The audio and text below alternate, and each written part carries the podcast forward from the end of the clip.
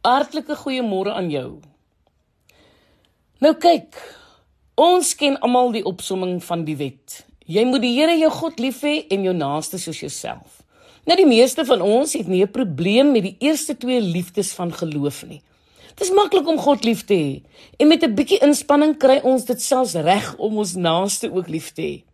Maar ons is geneig om die gedeelte oor selfliefde vinnig te sê en dit sommer weg te dink.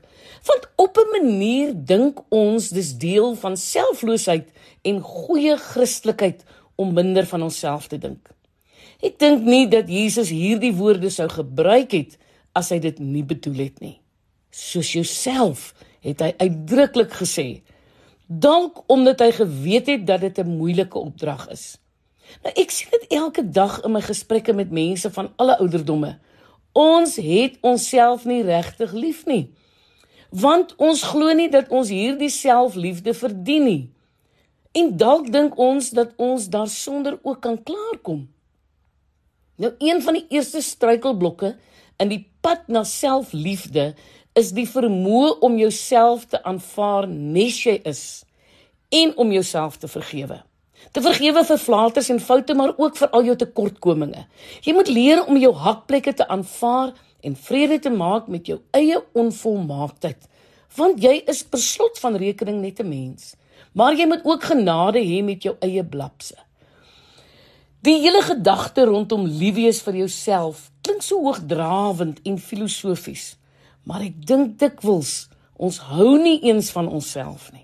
Ons praat van die noodsaaklikheid van gesonde selfbeelde en ons woon seminare by en ons help ons kinders daarmee, maar ai ons sukkel met ons eie selfaanvaarding. Ouers het skuldgevoelens oor al die foute wat hulle glo hulle met die grootmaakproses van hulle kinders gemaak het, asof daar nou 'n handboek vir hierdie belangrike deel van 'n mens se lewe is. Hulle het min genade met hulle self. Veral ma's kan so vroeg oor al hulle foute. Ek het 'n vriendin wat glo dat skuldgevoelens 'n vroue sport is.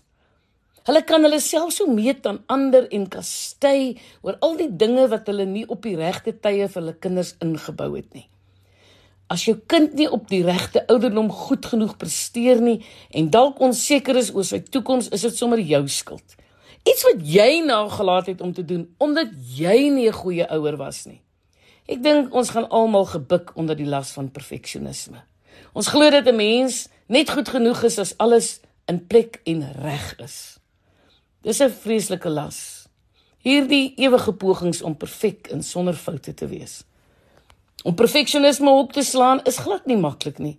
Ek dink, ek dink nogal dit het iets uit te waai met 'n obsessie om altyd in beheer te voel. Ons het 'n bepaalde prentjie in ons koppe van hoe ons en ons gesinne moet lyk en optree en wat ons moet bereik. Anders is ons net nie goed genoeg nie of het ons ergens langs die pad 'n groot fout gemaak. Hoe lief het jy jouself? Is jy ten minste so lief vir jouself as vir jou beste vriendin? Waarom is dit so moeilik om onsself te vergewe? Gestel jou beste vriendin sou deur 'n moeilike tyd gaan en vergeet om iets te doen wat sy beloof het. Wat sou jou eerste reaksie wees? Om haar uit te trap of te vergewe?